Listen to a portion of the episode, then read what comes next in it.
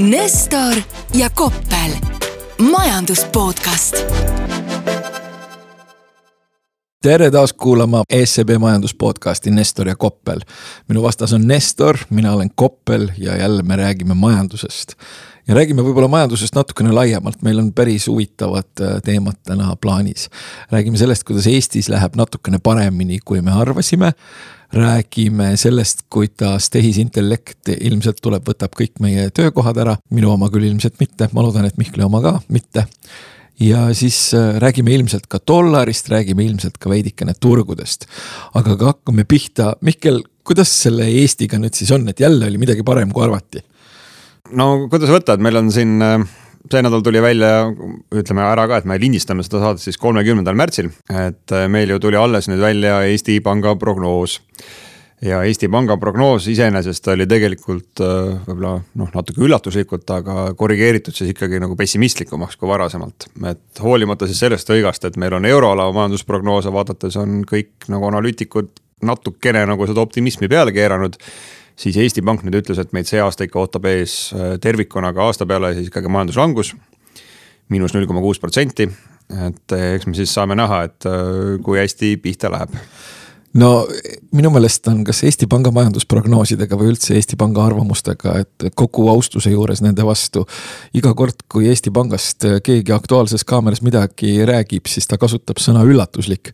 et kas sinu jaoks oli ka midagi üllatuslikku selles prognoosis peale selle, et äh, nüüd äh, terve aasta meil justkui majandus langema peaks? no minu jaoks on väga üllatuslik üldse, kui mõni Eesti majanduse kohta tehtud prognoos päriselt täppi ka läheb, arvestades seda, et äh, me siin ennustame ikkagi põhimõtteliselt Kuressaare majandust on ju kogu aeg äh, kui vaatasin jah neid numbreid, no iseenesest see, et äh, meil nüüd ka aasta kokkuvõttes siis tuleb ikkagi majanduslangus, noh, see ei ole nüüd suure, suurem üllatus, aga mina jätan siia muidugi väga palju ka sellist eksimisruumi, et äh, ega seda inimest minu arust ei ole isegi ka täna veel olemas, kes ütleks, et mis meil see teine poolaasta päriselt tooma hakkab, et siin ebakindlust on piisavalt. et iseenesest, kui ma seda panga nagu prognoosi vaatasin, siis üks asi, kus nad nagu tundusid sellised suhteliselt optimistlikud, oli tööturu pool. ja noh, selleks on, ma ütleks ka põhjust, on ju, et meil oli siin eelmise aasta lõpus oli rekordiline tööhõive Eestis, on ju, mitte kunagi pole nii palju inimesi Eestis tööl käinud.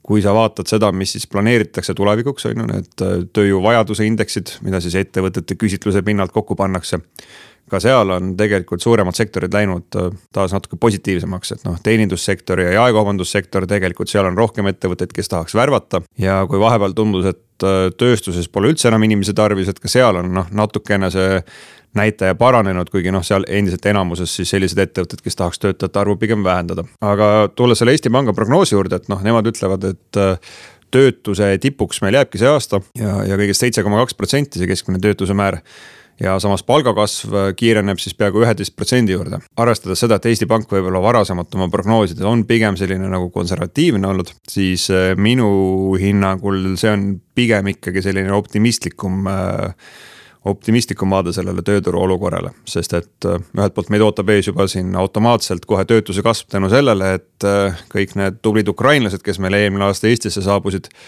ja kellest kahjuks on ju kõik ei ole veel tööle saanud. Nemad nüüd loetakse sellest aastast alates äh, tööjõu-uuringusse kuuluvaks ja neid küsitletakse ja noh, kuna tõesti, et seal kõik neist pole tööd leidnud, et nemad juba tõstavad siis seda Eesti töötuse määra. ja, ja noh, samuti see üheteistprotsendine palgakasv, et äh, jaa, meil eelmise aasta lõpp äh, oli küll umbes selline, aga noh, mõeldes, mõeldes ka sellele, et meil osal Eesti majandusest ju see aasta ilmselt väga hästi minema ei hakka, et äh, eelkõige siis tööstussektoris, kes on ka Eesti kõige suurem tööandja siis äh, noh, pigem ma usuks, et need numbrid võivad olla mitte nii päris ilusad, aga noh, me räägime siin komakohtade erinevusest peaaegu. okei okay,, seega on tavaline inimene nüüd Eesti Panga prognoosist äh, teada saanud selle, et äh, majandus ilmselt langeb, aga tema töökoht ilmselt jääb alles. aga sinna sa ei ole maininud seda kõige mahlasemat numbrit, mida tegelikult äh, inimesed, äh, mulle tundub viimasel ajal nagu kõige rohkem teada tahavad saada, et mis siis Eesti Pank prognoosib meile selle aasta inflatsiooniks see ei olnud väga kaugel, kusjuures minu pakkumisest, see ei meeldi sulle, et äh, üheksa protsenti. SEB siis on viimane, viimane prognoosi näit on kaheksa pool ja noh, jälle seal see lugu on ju täpselt samasugune, et meil praegu võib siin olla seitseteist protsenti, aga kuna see eelmise aasta võrdlusbaas on niivõrd vinge, siis äh, sealt hakkame väga kiiresti nagu allapoole tulema aga no iseenesest on see muidugi noh, tavalise inimese jaoks minu meelest ka natuke mõttetu number see inflatsioon, et kui palju siis hinnad eelmise aasta sama ajaga muutusid, et noh, sa vaatad ju seda jooksvat inflatsiooni, et kuidas mis, mis hinnad eelmisel nädalal poes tegid. Ja selles vallas meil siin veel ebakindlust jagub jah, tõepoolest, aga ma ei saanud aru, et, et miks, miks see mulle ei meeldi, ei no loomulikult mulle ei meeldi mingisugune ligi kümne protsendine. inflatsioon oleks kõrgem kogu aeg või noh, ei taha, aga. ei, ma ei taha, et infla-, ma ei taha, et inflatsioon oleks kõrgem selles kontekstis, et lõppude lõpuks see närib ju minu ostujõudu ka. ja lihtsalt et äh, noh, minu arusaam sellest, mis ümberringi maailmas toimub, on selline, et inflatsioon ilmselt püsib äh, kauem ja püsib kõrgem ja, ja. ja no võib-olla tõesti noh, seega see üheksa protsenti, noh, noh, see vähemalt ei ole kaheksateist või kakskümmend kui sa sellest inflatsiooni jutu siia mängu tõid, et äh, üks põnev number, mis nüüd ka sellel nädalal minu meelest alles välja tuli, on siis skp ühe elaniku kohta korrigeeritud ostujõuga. ja see on selle poolest äh, vinge näitaja, et äh, minul on meeldinud oma ettekannete slaididel näidata seda, et kuhu siis Eesti on välja puretanud siin viimase kümnendi jooksul. et kui me alustasime Euroopa peaaegu kõige vaesema riigina, siis äh, juba paar aastat tagasi me näiteks läksime mööda Hispaaniast selle poolest, et äh, kui sa võtad tõesti arvesse selle skp, jagad selle elanike arvuga ja võtad ka siis juurde, et palju hinnad on. siis tegelikult keskmine eestlane justkui oleks nagu jõukam või kõrgemal heaolu tasemel kui keskmine hispaanlane, aga kui siin tükk aega oli veel see statistika eelmise aasta kohta uuendamata, et noh, mind väga huvitas, et mis siis saama hakkab, et olukorras, kus siis Eesti inflatsioon eelmisel aastal äh, Euroopa teiste riikidega võrreldes oli röögatu. et äh, no ilmselt kukume, aga kui kaugele me siis nagu ajas tagasi kukume, et äh, mitte päris üheksakümnendatesse lootsin aga selle tulemused, kusjuures üllatus-üllatus, äh, midagi nii hullu nagu ei olnudki. et kui me siin aastal kaks tuhat kakskümmend üks olime siis peaaegu üheksakümne protsendi juures Euroopa Liidu keskmisest elatustasemest, selle skp per capita ostujõuga kohandatud poolest, siis äh, me tulime natuke alla, et noh, jõudsime sinna kaheksakümne seitsme protsendi peale. aga Hispaania meist vähemalt endiselt äh, jääb allapoole, et võime minna kõik Hispaaniasse puhkusele ja vaadata neid vaeseid pärismaalasi ja mõelda, et me oleme jõukad põhjamaalased. aga, aga leedukad äh, vasunnikud, et nemad on ikka selle jätkanud oma tõusu, et nüüd leedukas peaks olema siis jõukam inimene kui eestlane, vähemalt kui uskuda seda statistikat jah, ja järgmine kord, kui sa teed mingisuguse sellise toreda äh, pildi, kus sa neid tulpasid näitad, et kes on rikas, kes on vaene, siis sa võid ju sinna teha sellise nii-öelda natukene läbipaistvama tulba kõrvale ka, et kui palju nagu antidepressante per inimene kasutatakse vastavas riigis. ma kahtlustan, et Hispaanias võib seda olla veidikene vähem. see on see, äh, juba viitad sellele õnneindeksile, mida siin jälle just avaldati, jah? ei, ma ei viita õnneindeksile, ma lihtsalt viitan sellele, et võib-olla vahetevahel tuleb tuleb ka mingisuguseid muid äh, kriteeriumeid arvestada, kui ainult nii-öelda SKT per capita, aga see on loomulikult fantastiline. see on alati jah, siis ka kui räägitakse, noh Eestil siin läheb väga vingelt ja tavaliselt nendes äh, igasugustes kooliõpilaste PISA uuringutesse ja siis alati kuskil keegi kraaksatab Twitteris selle peale, aga vaadake neid õnnetuid õpilasi, et võivad olla kõige targemad, aga nad siiski on õnnetud aga ütleme sellest äh, õnnest ja selle võime veel pärast rääkida, aga üks selline võib-olla nagu noh, päris, päris majandusuudis ka, et äh, siin täpselt täna, kui me seda lindistame, et tulid välja siis ka veebruarikuised jaekaubanduse numbrid. ja no tundub, et ikkagi eestlased lõpuks on äh, nagu istu, istunud oma käte peale ja päris nagu hulluseni nagu kõike kokku endale enam ei osta, et järjekordselt siis aastases lõikes püsihindades, koguse mõttes jaekaubanduses müügimahud kahanesid kuus protsenti. ja nii on see jaekaubandus seda teinud juba siin paar kuud järjest ja noh, kui eelmisel aastal mul oli nagu tõsiseid probleeme selle olukorra selgitamisega, et inflatsioon kakskümmend protsenti. samal ajal inimesed ostavad viisteist protsenti kaupa rohkem, siis, siis nüüd on mingi muutus tõesti juba märgatav aga muuseas, see ei ole siis päriselt seetõttu, et noh, inimestel saigi nüüd raha otsa ja rohkem ei jaksa lihtsalt osta vaid äh, pigem tundub, et lõpuks on muututud nagu ettevaatlikumaks. et tegelikult äh, inimeste hoiused pankades on siin juba ka paar kuud nüüd äh, järjest hoopis suurenenud ehk siis ollakse natuke konservatiivsemad lihtsalt. jah, ja kusjuures see paistab ka sellise nii-öelda vaatluse teel tegelikult päris hästi silma, et kui ma laupäeva õhtul suhteliselt nii-öelda huvitaval kellaajal astusin sisse ühte suhteliselt populaarsesse pitsakohta Tallinna kesklinnas, siis seal oli suisa kaks ja pool vaba lauda ja teine asi, mis võib-olla. jälle laaberdama kukud taga. ja selles mõttes ma sõin, sõin, mul oli vaja kuidagi selle natukene õnnetu Briti koomiku ebaõnnestunud etteastest nagu toibuda. ja noh, pitsa oli selle, selle raviks päris hea. ja teine asi, mis ma olen nagu kuulnud, et ütleme, sellised huvitavad äh, teenused, mida inimestele vahetevahel meeldib äh, tarbida. enamus küll äh, naistele, aga üha rohkem ka meestele, et noh, kõik need paitamised, silitamised, niisutamised ja kunstküüned, et selles sektoris pidi olema tekkinud nüüd lõpuks tõsisem ikaldus. ehk siis inimesed ei taha neid teenuseid enam tarbida, et see on siis see koht, kus kokku hoitakse saan lõpuks minna endale neid ripsmepikendusi panema, jah. palun ära tee seda. aga, aga tarbijakindlus on tegelikult hoopis hakanud paranema, kuigi sa mõtleks, et äh, jah, et inimesed tarbivad vähem, et noh, siin oli pikka aega ka selline nagu põnev situatsioon, kus äh, eelmise aasta seal teises pooles ennekõike siis äh, Eesti tarbijate kindlustunne langes varastusse tuhande üheksasaja üheksakümnendatesse, kus pommid plahvatasid Vabaduse väljakul. minu kõige lähem kogemus apelsinimahlal oli see, mis ema siis apelsini koortest ajas ja isa pidi kuskil öövahina tööl käima. et äh, nii hull aeg oli siis ka siin eelmise aasta lõpus Eesti majanduses. et äh, sealt me oleme nüüd õnneks teinud nagu suure hüppe ülespoole ja oleme jõudnud siis kaks tuhat üheksa oma aju kõige sügavamasse punkti oma kindlustunde poolest see on nüüd küll hästi-hästi huvitav ja see vist võib-olla ikkagi. sisendab tugevat optimismi. ja see viib mind tagasi selle mõtte juurde, et alati see SKT per capita, et siis tuleb ikkagi ka need antidepressantide nagu tulbad sinna sellele pildile juurde panna. nii, aga teeme siis äh, Eestiga praeguseks väikse vahe, vahejoone ja liigume uutele teemadele, et äh, nimelt mina siis äh, eelmisel nädalal viimase inimesena Eestis proovisin ka selle kurikuulsa chat GPT ära. et noh, tahtsin teada, et kas töökoht töökoht on ohus või mitte, äh, võisin kergendatult hingata, et palusin siis kirjutada sihukese lühikese analüüsi Eesti majanduse kohta, mis tead nagu peale vaadates tundus äh, justkui nagu oleks, aga et noh kui ütleme, meie siin tegeleme selle kurikuulsa mansplaining uga, siis see oli, ütleme, mansplaining'u sihuke kõige ehedam variant, kus sihukese tugeva enesekindlusega aetakse ikka parajat jura välja, et äh, minu lemmik selline viga, mis ta siis tegi, oli see, et Eesti suurim majandusmure on see, et meil on vähenev rahvastik. mis umbes kümme aastat enam ei vasta tõele Äh, jah, tõepoolest minu esimesed kokkupuuted olid chat-GPT-ga kuskil novembris, siis kui ta laivi läks. ja siis sai teda igatepidi kiusatud, teda sai kiusatud äh, näiteks äh, selliste nii-öelda küsimustega. sulega, terava orgiga. ja terava orgiga ja siis noh, kui ta üritas vastu hakata, et selline küsimus näiteks ei ole võib-olla. konsenti küsisid ta käest selleks kusjuures ei küsinud, aga igal juhul teda sai kiusatud sellega, et, et kui ta hakkas mingisuguses kontekstis vastu ajama, et ta sellist asja teha ei saa või selline asi pole, pole nüüd nagu viisakas kirjutada, et siis kuidas see küsimus püstitada niimoodi, et ta selle ikkagi ära teeks.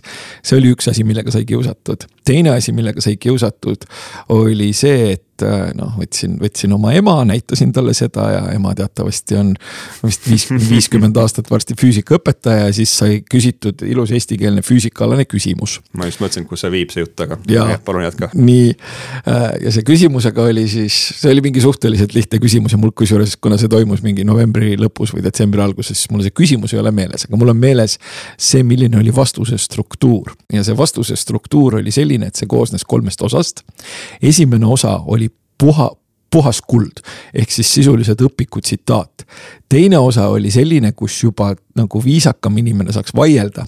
ja siis kolmas osa oli puhas pasteet ehk siis millel ei olnud äh, reaalsusega ja meid ümbritseva maailma objektiivse paratamatusega mitte midagi pistmist.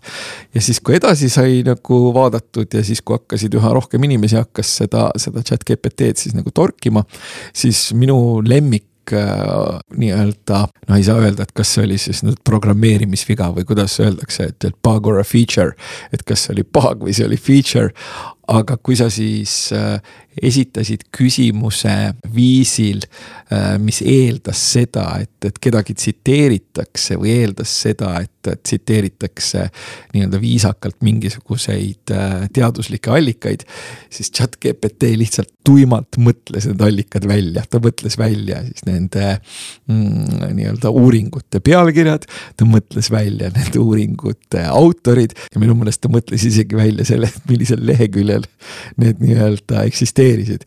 ehk siis noh loomulikult see areneb nagu kogu aeg edasi. modelleerib ja, inimkäitumist lihtsalt. ja see modelleerib inimkäitumist, aga, aga, aga, aga kohati, eriti selle füüsika küsimuse kontekstis, see meenutas nagu sellist äh, seitsmeteist aastast suhteliselt nutikat Äh, noormeest, kellel on õppimata ja kes otsustaval hetkel lihtsalt hakkab täiega bluffima, loodet-, loot-, lootes, et ta jõuab kaugele. aga nüüd on ju veel asi selles mõttes huvitavaks läinud, et äh, sellised inimesed, kes nagu tehisintellektist midagi teavad, on äh, kirjutanud avaliku kirja ja öelnud, et kuulge, poisid palun paneme selle asja pausile, sellepärast noh, kuueks kuuks vähemalt, sest me ei tea, kuhu see omadega jõuda võib. mina mõtlesin selle peale muidugi, et neil on kuueks kuuks pausi sellepärast vaja, et nad on ise natukene nagu maha jäänud omaenda selle ai arendamisega, et oleks vaja teistel järgi jõuda. Aga noh, siin kuulsad, ilusad ja rikkad veel USA-s, et siin on äh, Bill Gates ka öelnud, et äh, tegelikult kogu see chat GPT ja, ja artificial intelligence, et see on äh, lõpuks see kauaoodatud tehnoloogiline revolutsioon, mida me ju tahtsime, et me oleme siin viimased nagu paarkümmend aastat juba kurtnud, et noh, näete, arvuti tuli ja internet tuli aga noh, mis nüüd edasi, et maailm sai justkui valmis, et tema hinnangul on see siis tõesti selline maailma muutev, vähemalt nende eelmainitud asjadega võrdväärne tehnoloogiline revolutsioon, mis, mis ikkagi päeva lõpuks kõike muudab. Äh, jah, mul on natukene selline tunne, et minule meenutab see kuskil aastat üheksakümmend üheksa, kui mul üks selline äh, nii-öelda IT-valdkonnas opereeriv sõber võttis, teatas, et kuule, et eksisteerib selline asi nagu Google. ja Google mitte ei äh, näita sulle siis lehekülge, kus märksõna esineb, vaid ta näitab sulle linke, mis lingivad sellele kohale, kus märksõna esineb. ja selleks ajaks olid terve ports äh, erinevaid äh, otsingumootoreid olemas. Äh, Alta Vista ja Lykos ja mis seal kõik, Ask Jeeves ja kõik, kõik, kõik. ja noh, kui mina üritasin sealt mingisugust informatsiooni kätte saada, mis mind huvitas. või kasvõi mingisugust koolitööd teha sellega, selle, selle abil ära, siis ei õnnestunud aga siis see Google, see oli selles mõttes täiesti fantastiline, kirjutada oma märksõna või küsimuse sisse ja esimesed kolm nii-öelda vastet on sellised, mis on täpselt õiged. ja nüüd see chat GPT, noh, minu jaoks tundub see sellise nii-öelda äh, lähenemise nagu edasiarendus, et ta põhimõtteliselt suudab sulle need vastused ka adekvaatselt formuleerida. noh, välja arvatud muidugi siis, kui sa füüsiku koht, füüsika kohta midagi küsid. aga noh, ütleme, me oleme siin ka rääkinud sellest tehnoloogilise revolutsiooni puudumisest maailmas, aga teine selline ka, ka väga ära laiendatud teema on see, et kuidas tootlikkuse kasv äh, arenenud maailmas on viimastel aastatel, aastakümnetel olnud ikkagi äärmiselt aeglane, et ka seal midagi väga ei muutu. et noh, siin võib oodata tõelist äh, revolutsiooni siis väga hüppelist kasvu tootlikkuses tänu sellele, et äh, äkki siis tõesti ühel hetkel hopsti, me jääme kõik tööta, kuna töö teeb ära chat GPT ja kõik need vähesed alles jäänud arendajad siis äh, maailmas jagad äh, nende arvuga ära siis selle tohutu skp, mis me endiselt tekitame ja noh, saamegi sihukese raketina üles sööstva tootlikkuse kasu, aga, aga kõik ülejäänud inimesed on tööta. ja ma ei, nende arendajatega vist kipub ka selline lugu olema, et, et see. vist ei ole enam vaja jah, lõpuks. Neid suhteliselt, et sa pead oskama seda tehisintellektile seda küsimust nagu võimalikult hästi püstitada. meil võib tekkida tootlikkuse statistikaga nagu probleem, et kui on nagu null töötajat lõpuks, et siis äh, noh, ei saa ju jagada jah, ja kusjuures, aga asi ei ole mitte ainult ju teksti genereerimises, muide tead, millega on võimalik veel tootlikkust kasvatada chat GPT abil? Noh, nimelt Eesti mehel ei ole enam mitte mingisugust vabandust sellele, et ta ei suuda kenale naisterahvale luuletust kirjutada aga lisaks ju tegelikult eksisteerivad ka sellised äh, toredad agregaadid, mis võtavad, suudavad nii-öelda visuaali genereerida. ehk siis mina olin meeldivalt üllatunud, kui ma nägin äh, sellist fantastilist fotorealistlikku pilti, ma pidasin seda es esimese kahe pilguga täiesti ehtsaks, kus siis äh, paavstil oli valge pikk paavstilik sulejope. see oli ühest küljest kummaline, aga see teisest küljest oli nagu cool ja kogu see tema kehaasend ja kogu see kõnjaka kõik oli see, et, et I m the pope ja nüüd ma võtan, näitan teile, kuidas asjad käivad. ja selle fotorealism oli selline, et äh, kui sul ei oleks nagu nii-öelda kuklas mõtet, et kas tõesti paavstil võib olla selline sulejope siis sa pead seda kindlasti ehtsaks. no selle visuaali ja reaali loomisega mul tuli kohe meelde, et äh, see oli, ma arvan, juba kümme aastat tagasi, kui oli noh, 3D printimine oli just nagu kuidagi turule tulnud vähemalt samasuguse haibiga nagu praegu siis kogu see artificial intelligence teema ja juba siis räägiti ka sellest bioloogilise materjali printimisest, et noh, tead, sul käsi on otsast ära, et prindime sulle uue käe, et selle peale siis minu lemmikajakiri The Economist teatas, et the porn will never be the same. siiamaani ootame jah, tõepoolest, aga kas me dollarist ka midagi räägime? või sul on selles ai ma, kohta ma, veel midagi põnevat? selle ai kohta ma ühe sinu lemmikteema ma räägiks ära, enne kui dollari juurde lähme, et äh, sellega tuleb äh, kohe mängu ka selline üks äh, väga uus ja oluline märksõna, mis sind kindlasti keema ajab, on see. mis see eesti keeles võiks olla, et see universaalne baassissetulek siis või?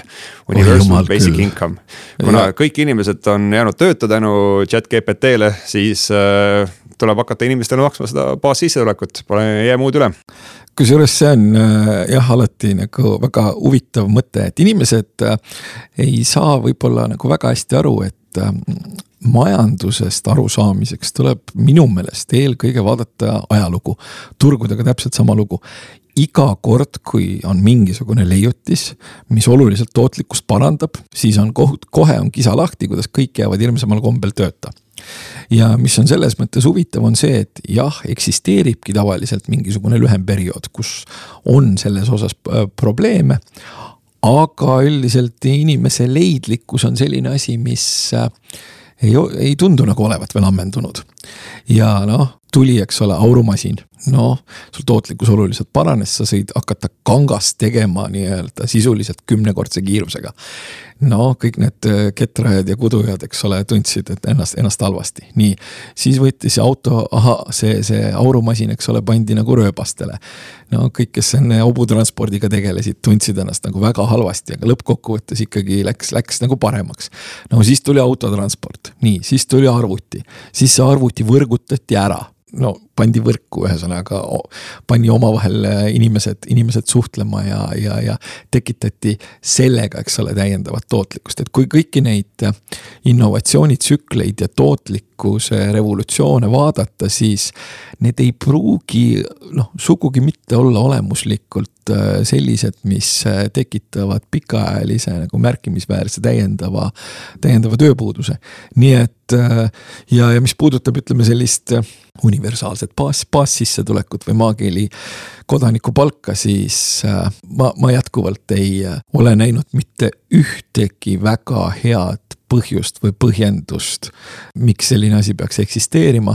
samamoodi ma ei ole näinud mitte ühtegi väga head põhjust või põhjendust, kuidas seda oleks võimalik adekvaatselt finantseerida aa ah, jaa, no mina igatahes olen äh, tuleviku osas hirmul ja ma proovin siis oma rehipapilike küsimustega selle krati ikkagi üks päev põlema saada seal arvutis. aga siit äh, läheks ikkagi sinu selle lemmikteema juurde, mis äh, sa kohe rääkisid, et võiks, võiksin ära mainida, ehk siis USA dollar jah, USA dollariga on nimelt selline lugu, et äh, olen siin viimasel ajal erinevate inimestega rääkinud. Forex trading ut teinud no, Forex trading ut, kusjuures äh, tu, tu, tunnistan, et äh, ma mingisugusel hetkel võtsin väikese jeeni positsiooni. sellepärast, et lõpuks ometigi oli jõudnud äh, inflatsioon Jaapanisse ja lõpuks ometigi võis tekkida selline olukord, kus Jaapani keskpank hakkab intresse tõstma. huvi pärast küsin, et mis see, mis see Jaapani inflatsioon siis oli, kaks protsenti isegi tuli ära või? kusjuures isegi natukene oli üle oh issand nii et, aga see on see nende jaoks on see nagu tohutu, et kui ja kui jeeniintressid hakkavad tõusma, et siis võiks midagi huvitavat juhtuda. aga see kindlasti oli minu selline väikene, väikene kiiks ja ma isegi ütleksin, et näpuharjutus. aga dollari puhul on, on selline huvitav lugu, et inimesed on mures, sellepärast et äh, uudistevoog on selline, et et äh, nüüd tulevad jällegi mingisugused riigid kokku, kes äh, võtavad, otsustavad, et nad hakkavad dollaris kauplema toormeid.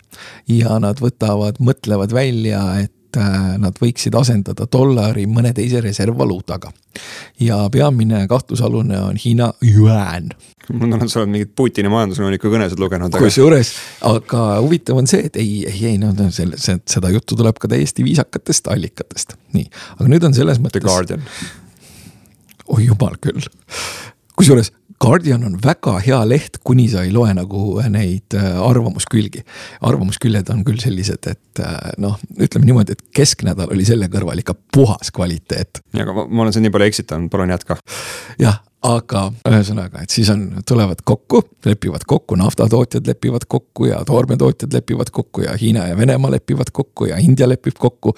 et nüüd me põhimõtteliselt sõidame siis sõna otseses mõttes dollarile nossu ja inimesed on mures ja nad on mures sellepärast, et äh, Ühendriikide riigivõlg on äh, kõrge.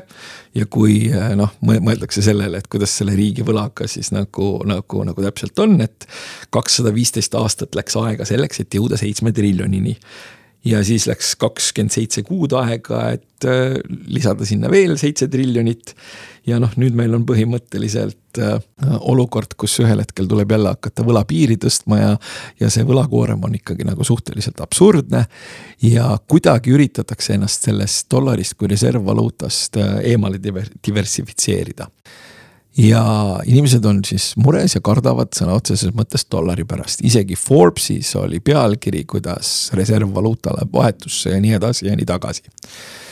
ja nüüd, milline on minu arvamus, minu arvamus täna selle koha pealt on selline, et jah, ükski reservvaluuta ei ole igavene kunagi oli selleks Briti nael, noh, Briti nael on maailma kontekstis praegu veel ikkagi ka mingil määral tegija, aga ta ei ole nagu, nagu nii, nii tegija, kui ta kunagi oli. aga teine näide, mida ma tahaksin tuua, on see, et kunagi panin ennast mingisugusesse mailing list'i, sellepärast et see tundus huvitav noh, siis ma võib-olla veel ei teadnud ka, et üldiselt, kui keegi mingisugust äh, tasuta mailing list'i midagi pakub, et siis ta.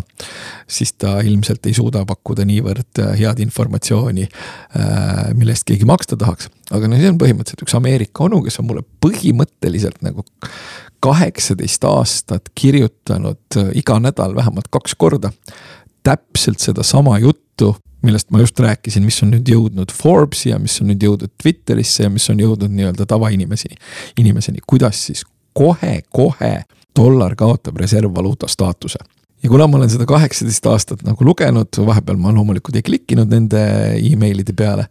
siis mul on nagu natukene raske uskuda, et äh, see juhtuks nagu, nagu, nagu kiiresti. sellepärast, et Ühendriigid on jätkuvalt maailma ajaloo parim rikkuse loomise masin. ja kuigi see rikkuse loomise masin nagu selgelt köhib hetkel, siis äh, äh ma pakuksin, et kõik need sammud, mida ette äh, võetakse, viivad äh, dollari nii-öelda osakaalu ja tähtsuse vähenemiseni. kuid mitte dominantsuse ka kadumiseni, vähemalt äh, veidikenegi nii-öelda lühemas perspektiivis. no aga kui me vaatame nüüd siin ütleme dollari euro suhet siin äh, viimasel ajal, siis äh, dollari odavnemine vaevalt nüüd nii suurte filosoofiliste teemadega on, on seotud olnud, kui see, et ta kaotab oma vääringu siis nagu rahvusvahelise vahetusühikuna absoluutselt, et noh, kui me mõtleme sellele, et millest nagu lühiajalised kursimuutused muutused sõltuvad, siis need sõltuvad äh, sellest, et kuidas tsüklit nähakse kui tsükkel tundub minevat negatiivses suunas, siis müüakse oma riskantsed varad maha, vahetatakse valuuta dollariks ja hoitakse seda dollari likviid, nii-öelda likviidsust dollaris. no suhteliselt lihtne. teine asi, et kui me räägime siin intressimäärade mm, vahedest näiteks, et noh, oletame, et eksisteerib selline hüpotees, et Ühendriikides ikkagi on panganduses probleeme noh, ja tegelikult on ka, on panganduses probleeme, panganduse probleemid võtavad, tekitavad olukorra, kus võib-olla majandus liigub äh, veidikene surutise suunas, kus võib-olla intressimäärad enam ei tõuse. aga samas eurooplased, kes on alati natukene maha jäänud, võtavad, saavad intressimäärasid tõsta ja siis noh, kuna Euroopa intressimäärad tõusevad, siis on euro suhteliselt atraktiivsem, dollar suhteliselt vähem atraktiivsem. noh, euro võiks kallineda, et noh, need mõtted käivad taustal loomulikult äh, jätkuvalt edasi. aga selline suur idee sellest kuidas äh, väiksed tulevad kokku ja, ja, ja ühel hetkel võtavad, näitavad dollarile trääsa.